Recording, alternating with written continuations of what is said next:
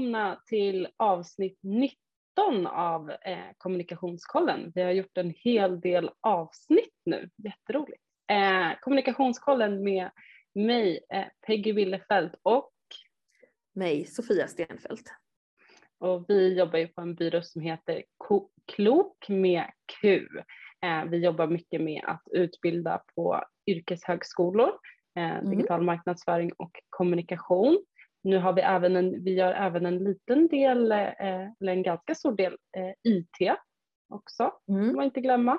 Men vi jobbar med digital marknadsföring och kommunikation och vi har också en del kunder så det är lite rådgivning och annonsering och workshops och liknande.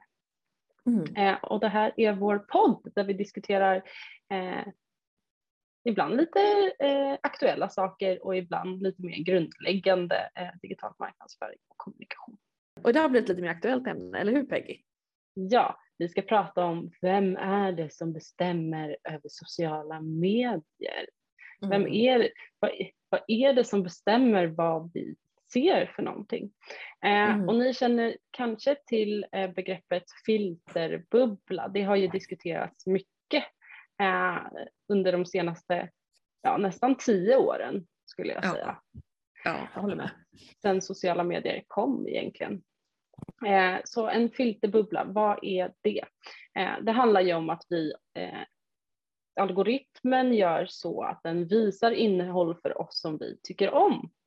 Mm. Vi gillar och kommenterar innehåll och då visar den mer av, av det. Eh, mm. Så om vi gillar mycket kring kanske, ja men eh, Sofia gillar katter, gillar kattvideos, då får hon mer kattvideos. Eh, och så och så blir det en liten bubbla helt enkelt med härligt innehåll som vi tycker om och personer som tycker och tänker samma som vi äh, dyker upp i våra flöde. Och det kallas för mm. Och då tror jag att alla gillar katter förstås. Precis. Mm. Eh, och det är inte jätteolikt hur det ser ut i den verkliga världen. Ehm, med att man har eh, oftast vänner som tänker och tycker likadant som en själv. Men det blir ju mycket mer intensivt i sociala medier för det är så otroligt mycket information och vi ser ju också från personer vi inte känner. Så då mm. tänker vi att de representerar hur det ser ut. Eh, ett exempel är ju att eh, många man pratar med är lite chockade över valresultatet som blev. Mm. och det är ju för att ja, men, röstar man rött då har man nog sett ganska mycket rött i sina sociala medier mm. eh, inför valet för att man har interagerat med eh, partier och politiker och personer som tycker och tänker likadant som en själv. Eh, men det är ju inte en representation över hur det ser ut i Sverige. Nej, och även tänker jag Eh, det valet som var nu i, i, i, veckan efter valet här, så backade till exempel Moderaterna ganska kraftigt och det var nog många som i moderatled liksom, de såg jättemycket positivt om dem och alla tyckte som dem och så visade det sig att de backade till fördel för Sverigedemokraterna. Så, så det är liksom på alla sidor så kan man bli förvånad över man tänker så här, vi har, vi, vi har alla med oss. Mm. Precis. Och så, så. Så mm. det är ett exempel på eh, filterbubbla. Eh, mm. Så det har diskuterats länge, men nu kommer lite ny spännande insyn i hur algoritmen fungerar och egentligen vem är det som bestämmer över sociala medier. Så Sofia har hittat massa intressant, eller läst på massa intressant kring det här. Precis, det har kommit ny spännande forskning och den bygger på Facebook i USA, så det är ju det liksom som den kan säga något om. Eh, sen så kan vi ju diskutera, tror vi att det här också gäller för andra sociala medier för Sverige och sådär. Eh, men då är det tre forskare på George Washington University i Washington DC i USA. Eh, de heter Matthew Hindman, Nathaniel Lubin och Trevor Davis om man vill googla dem och själv kolla upp den här forskningen. Eh, och de har försökt kolla på hur, hur demokratiskt det är på sociala medier eh, med någon slags utgångspunkt i liksom, Mark Zuckerberg som ju är eh, chef för Facebook och även Instagram, eller Meta, det bolaget som äger Facebook och Instagram. Han, han pratar gärna om det är så bra för demokratin, för alla får en röst och, och vi, liksom så här, vi, vi gör samhället en tjänst genom att ha de här bolagen. Kanske du också har sett han har haft sådana fina tal. Japp. Japp. Eh, och då har de här forskarna velat se liksom så här, men okej, okay, är det så jäkla bra för demokratin då? Mm. Eh, och det de kommer fram till det är att det är ganska få personer som gör väldigt, väldigt, väldigt mycket inlägg och de styr ganska stor del av diskussionen. Um, och jag tyckte, jag kollade på den här studien, då den, de har samlat in material från 2020, så det är liksom, materialet är ju två år gammalt, men det har ju tagit dem ett tag att analysera det här också. Och då har de, de har inte tittat på eh, individsidor, liksom våra egna profiler, utan de har tittat på diskussioner som är på offentliga sidor och, på, och i grupper. Eh, så det är ju eh, sånt som man liksom också får i, sitt, får i sitt flöde, men där de har kunnat komma åt. Och så har de tittat på de 500 största Facebook-sidorna i USA och tagit alla inlägg under två månader. Så det är sjukt mycket data. Och också, eh, eller hur, man blir bara så här, gud hur har ni jobbat med det här? Mm. Plus de 41 000 största grupperna och tagit alla, alla inlägg under två veckor. Eller ja. hur? ja, man blir alldeles så här, vad bra att ni gör det här för det här skulle jag aldrig orka med. Eh. Jag kan känna mig eh, överväldigad om jag ska göra en nulägesanalys för en lite mindre verksamhet. Eller hur? Kolla igenom inlägg.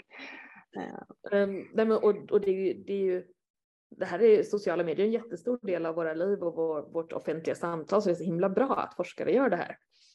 Eh, men då visade det sig då att eh, i USA så är det ungefär 1 procent av användarna som står för 52 procent av aktiviteten. Så det är liksom inte så att det är jämnt fördelat, att allas åsikter kommer fram lika mycket. Eh, och de här användarna är väldigt, väldigt aktiva. De kallar dem för superanvändare i den, i den här forskningen. Eh, och de kan liksom göra hundratals inlägg och hundratals kommentarer och gillar och delar och sådär. Eh, I USA var det inte bottar heller, det trodde de kanske att de skulle hitta, men det var liksom, mm. de hittade verkliga människor. Eh, och då har de också tittat lite på vilka de här människorna är. Eh, så de har liksom närstuderat ett antal och då visade det sig att de här människorna, det är det är mer män än kvinnor. Eh, de är ofta lite äldre, de har knappt hittat någon under 30.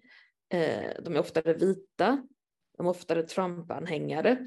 Så det är liksom, ja men, åt höger och, och många av dem har spridit desinformation om vaccin till exempel, vilket ju var stort 2020. Nu kanske det är något annat de skulle, men, men det är liksom lite så här alt-right, eh, lite lita inte på, på traditionella medier, eh, ifrågasätta allting. Eh, och i och med att de här skriver så sjukt många inlägg så blir det lätt, alltså då hjälper de ju, hjälper de ju algoritmerna och de gillar varandra så de kommenterar mm. varandras, så deras inlägg kommer också upp och blir en väldigt stor del av det som syns. Um, så man kan Jag måste tycka... bara det är alltså en procent av användarna som står för 52 procent av aktiviteten och man kan se att det är en väldigt homogen grupp som står för den här en, alltså 52 procent av aktiviteten. Ja, verkligen och en ganska, ja men en homogen grupp och en ganska liten grupp. För ska vi ja, men då oftare män. Då har vi ungefär 50 procent av befolkningen där. Över 30 försvinner ytterligare ett antal. Vita försvinner ganska många. Trumpanhängare försvinner ännu fler. Så det är liksom en, en liten homogen grupp som i väldigt hög grad styr hur, hur den offentliga diskussionen ser ut. Eh, nu ska vi påminna oss om att det här handlar inte om bara det vi ser på våra kompisars sidor, utan det är mer det som syns liksom på, i grupper och på, på liksom, ja men typ eh, Sveriges Radios sida eller Aftonbladets sida eller, eller mm. sådana här liksom, företagssidor och så. Men, men det gör ju att, att det är lätt att känna att alla tycker så. Mm. Eller att mm. samhället i stort tycker så. Så här tycker folk liksom. Mm. Fast det är kanske en ganska liten grupp. Um, Väldigt intressant.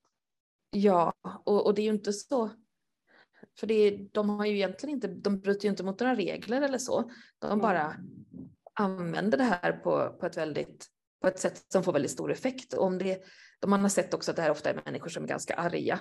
Så om det är för att de är arga som de bara skriver hur mycket som helst eller om det är eh, så att, man, att det finns något samordnat, att det liksom är ihopsnackat som en särskild strategi, det, det, eh, det vet man ju inte, eller om det är både och. Liksom. Men eh, det går inte att veta varför människor gör det i den här studien, men man ser att det händer. Jätteintressant. Mm. Och ja, när jag läste det här så var det liksom så här. Det här har jag misstänkt, så, så, så jag tyckte det var lite skönt att det fanns data på det. Mm. Um, men också så här, men oh, vad jobbigt. Mm. Uh, för jag vill ju att många röster ska höras. Och jag tycker ju mm. ofta att det är så fint med sociala medier att man kan få höra massa olika röster.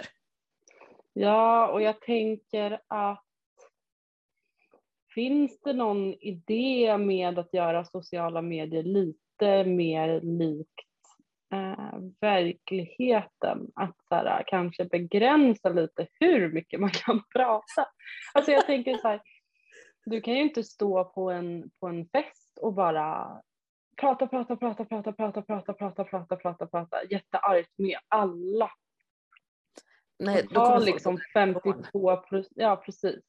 Att då en person, om det är en fest så är det en person av de 100 personerna som tar liksom 52 procent av samtalet.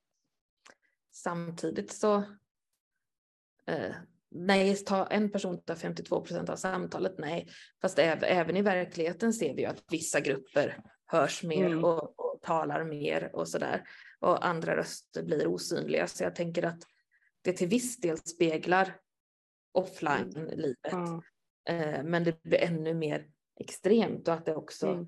eh, vad de här forskarna menar är också att, att hur algoritmerna är konstruerade hjälper till med det eftersom de liksom bygger på att det som får mycket kommentarer och det som får mycket gillningar och att det ofta är då grejer som där folk är ganska arga och upprörda.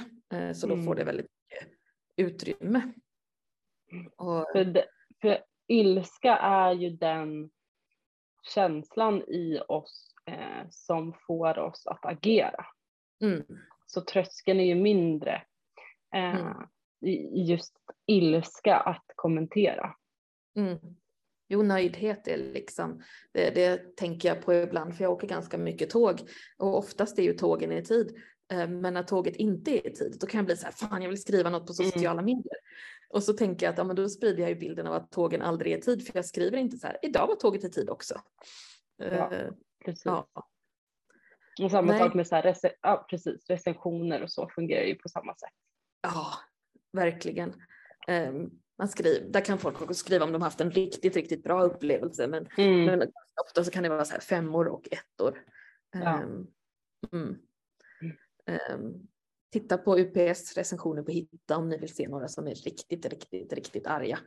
Uh, kan jag bara tipsa om.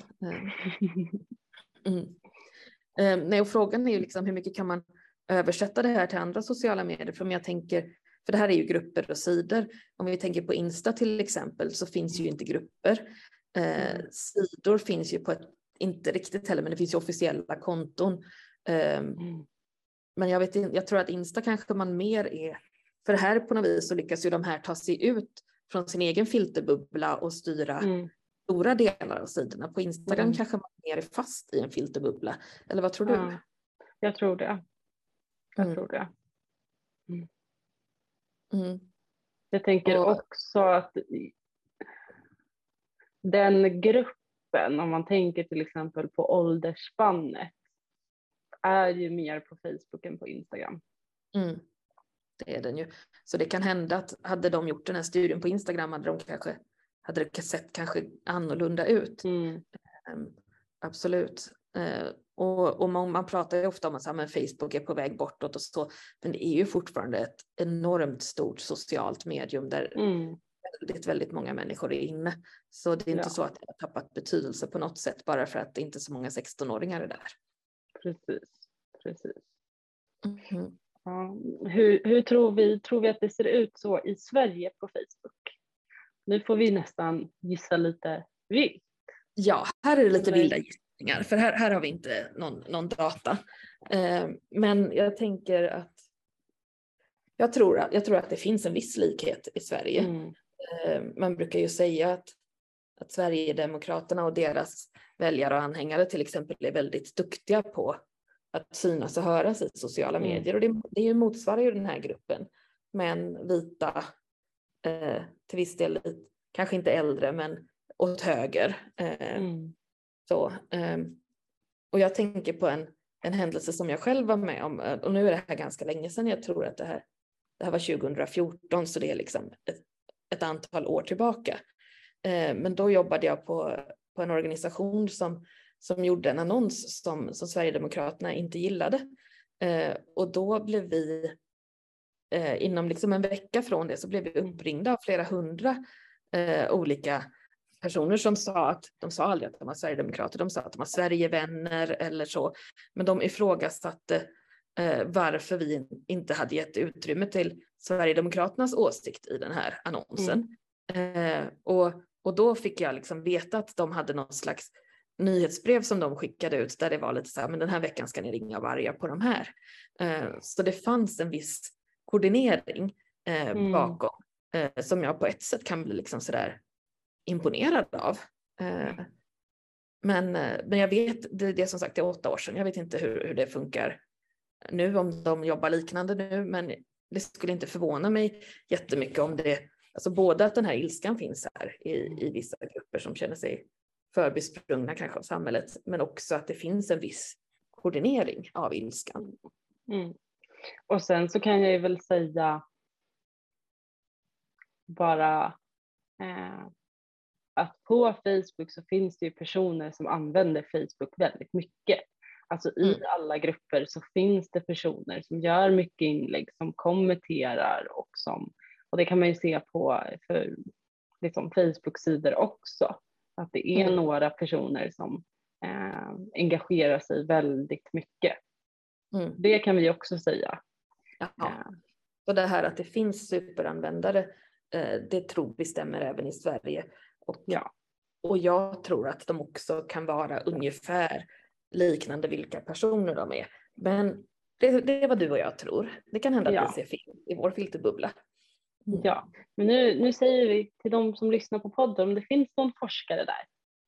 Ja, precis. Det skulle vara jätteschysst om du kunde gå igenom 41 000 eh, största grupperna. Eller det kanske 20 000 största grupperna i Sverige. Ja men precis och, och liksom de allra största sidorna och sådär. Gud vad vi skulle vilja se en uppföljning av det här eh, i Sverige ja. för att se om våra gissningar stämmer eller om vi är helt fel ute. Mm. Eh, jag, jag tänker inte ta mig på det. Inte jag heller, nej. eh, men jag är väldigt tacksam att, att det görs. Eh, mm, verkligen. Och jag, och jag, ser fram emot att följa liksom vad, som, vad som kommer komma mer. Eh, mm. Det är alltid så när det kommer nya fenomen att men forskning tar tid. Eh, mm. Man, det, det ligger ett antal år efter, det måste det göra om man ska göra seriös forskning. Så, mm. Och eh, sociala medier är ju en enorm fakt en maktfaktor i vårt samhälle. Så det är otroligt. Ja, men, mm. Absolut.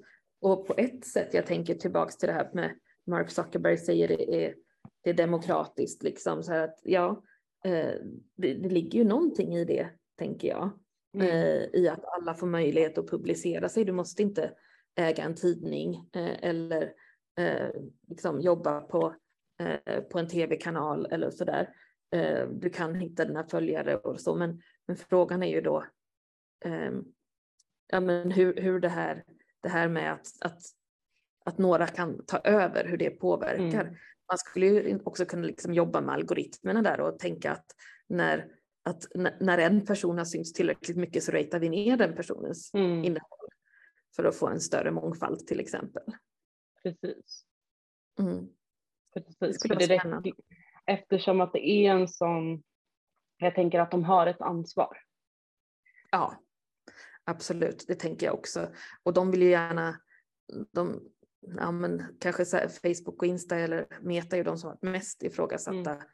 kring det här, eh, vill ju gärna på något vis eh, prata om att, eh, att det är, de bara tillhandahåller plattformen och så sen ibland Mm. säger de att de har ett etiskt ansvar och så gör de inte så mycket. Men jag Ja. håller med om att de har ett ansvar för, för hur samtalen fungerar och för vad som premieras. Mm. Ehm, där såg jag, apropå vilka som tar ansvar och inte, för häromveckan så var det en stor annons, jag har fortfarande pappersdn, och då var det en, den, liksom den, den platsen som är dyrast annonsplats i tidningen, en helsidesannons, som var från Youtube, som handlade Mm. om hur Youtube modererar sitt innehåll så att det inte ska komma fake news. Eh, och det tyckte jag var Intressant. Ja, här kommer liksom digitala mediet Youtube som är en del av Google Mm. och annonserar i papperstidningen och säger vi är trovärdiga och det var liksom en annons med jättemycket text där, steg för steg hur, hur man skulle visa att, att de var trovärdiga. Det tyckte jag var rätt kul så här kombination av ny media och gammal media. Ja, jag tänker fint. Mm. Och sen så, så har jag inte, jag har inte liksom satt mig in i och granskat i om det där Mm. verkligen funkar eller om det bara är ett, Mm. ett fint sätt att beskriva det. Men jag tänker då, då har de ändå uppfattat att det är en, en aspekt som är viktig att jobba med. Sen om det liksom är eh, pärlor, om det liksom är mest fasad eller om det är eh, på allvar, det, det kan jag inte bedöma än. Men ändå intressant. Verkligen. Jag tänkte också vi skulle prata om, om ett exempel på eh, när eh, sociala medier har varit väldigt splittrade i någonting. Eh, Mm. För en grej som har hänt den senaste veckan är att eh, drottning Elizabeth av Storbritannien har gått bort vid 96 års ålder efter typ 70 år som drottning eller kanske ännu mer. Eh, och när någon sån, hon är, det är en väldigt, väldigt känd person. Och när en känd person går bort så blir det ju alltid väldigt mycket så här, ja, men, vila i frid och vi tänker på dig och eh, hjärtan och, och, inlägg liksom om vad hon har betytt och, och om alla liksom, alla medier skriver så här dödsrunor och Mm. eh, folk, folk eh, trycker hjärtan på det och sådär. Stort engagemang. ja, men stort engagemang, stort engagemang som liksom, ja, men med sorg och, och, och kärlek och, och omtanke. Men jag har också sett den precis andra sidan här. Ja. Eh, japp. Eh, och den som kanske liksom, den som har, som jag som har, uppfattat som har synts mest där, det, det, är en, det är en professor som heter Ujo Anja eh, på Carnegie Mellon University som är ett amerikanskt universitet. Eh, och hon skrev typ att, eh, det här var innan drottningen hade dött, det var när det hade kommit ut ett pressmeddelande att hon, att hon var döende typ. Eh, så skrev hon att eh, eh, jag hoppas att de kommer uppleva enorm smärta, jag tror det var excruciating pain på Twitter. Mm. Och liksom kopplade det här till, till de, de, sakerna som brittiska imperiet har gjort som har gjort att hennes familj har tvingats uppleva extrem smärta i, Mm. i flera olika liksom, afrikanska länder. Ehm, och direkt fick hon liksom jätte, jättemånga som, som gillade och Mm. delade och, eh, och kommenterade och, och hängde an på det här. Att liksom, här, å ena sidan, ja, drottningen, den här söta lilla tanten, å andra sidan eh, drottningen, eh, statschef för ett imperium som har fört jättemånga krig och koloniserat över världen Mm. och gjort massa saker. Ehm, har du sett något av den här sidan? Jag har sett mest den sidan faktiskt. Ja, intressant. Vad har du sett? Eh, sett, jag har sett både eh, det här du beskriver, att personer uttrycker glädje eh, för att hon har dött. Mm. Ehm, utan egentligen någon, någon analys, eh, men bara eh, som också såklart väcker mycket engagemang. Mm. Och sen så i liksom steg två så har jag sett mycket så här, eh, ja, men, eh, varför uttrycker vissa personer glädje och eh, historia och eh, så här, ja, men Mm. ett historiskt perspektiv på det. Ja, för det Eh, och tycker jag det har varit ganska mycket utbildande. Eh, Mm. liksom från, ja, men som, som jag, ett inlägg som, som jag såg på Svart Feminist till exempel, eh, som hon har delat från Code Pink Alert. eh, som var så här eh, British Wars and Conflict since the coronation of Queen Elizabeth II. Och så är det en lista på typ 20 stycken krig som de har varit inblandade i under hennes tid som drottning. Eh, som jag tänker är, ja men är också ganska, ganska utbildande liksom. Mm. Jag hade inte koll på, på eh, massa av de här konflikterna, Nej. att man väljer både, både den här professorn då som hade ju liksom excruciating pain, det kanske Mm. inte utbildande, eh, men här då liksom lista på de här eh, krigen. Mm. Eh, och här blir det ju både eh, liksom filterbubbla, eh, typ så här Mm. vad man ser, de här två olika sidorna. Ni kan ju fundera på vad ni har eh, sett mest, om det har varit mer så här Verkligen. vila i frid, eller om ni också har sett den andra sidan. Eh, men sen är det ju också det här vi har pratat om, liksom superanvändare, eller liksom, Mm. eh, eftersom att det är ett så stort engagemang, eh, eller att det syns nog mer vila i frid, eftersom att det är så många som går ut eller hakar på det. Mm. Och, och, och så har jag, sen har jag också sett vinkeln vila i frid alla som dog i de här krigen eller dog Mm. i kolonisatörens händer eller eh, dog i när Indien blev självständigt eller sådär. Ehm, och så finns det också lite humor förstås. Ja. Ja, som det här har vi Gaming Disorder Pog på Twitter som säger Please be respectful when talking about the Queen. She was a head of state, a monarch, a mother to multiple pedophiles, and most importantly, a devoted cousin to her husband.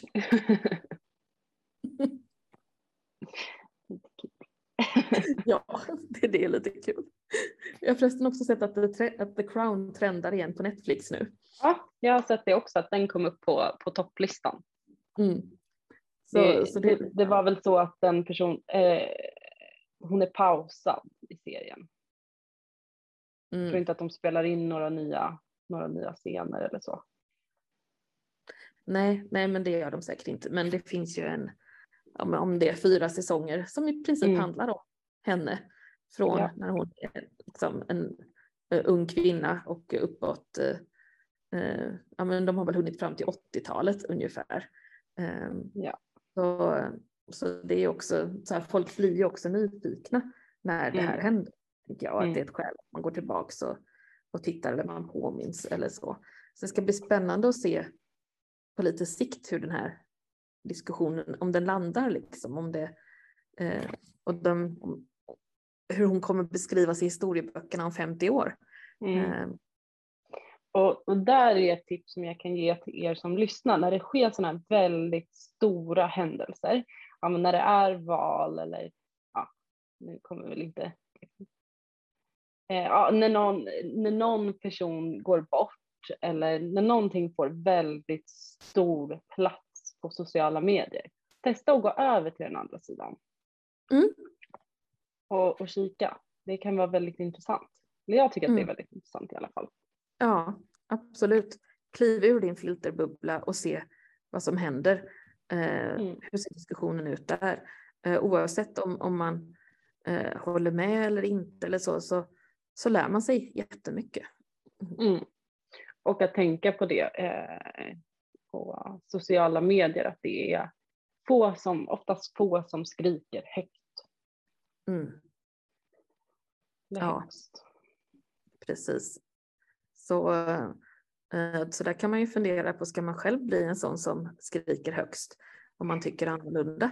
Eh, Mm. Men jag känner jag skulle inte ha den energin att lägga ner på det.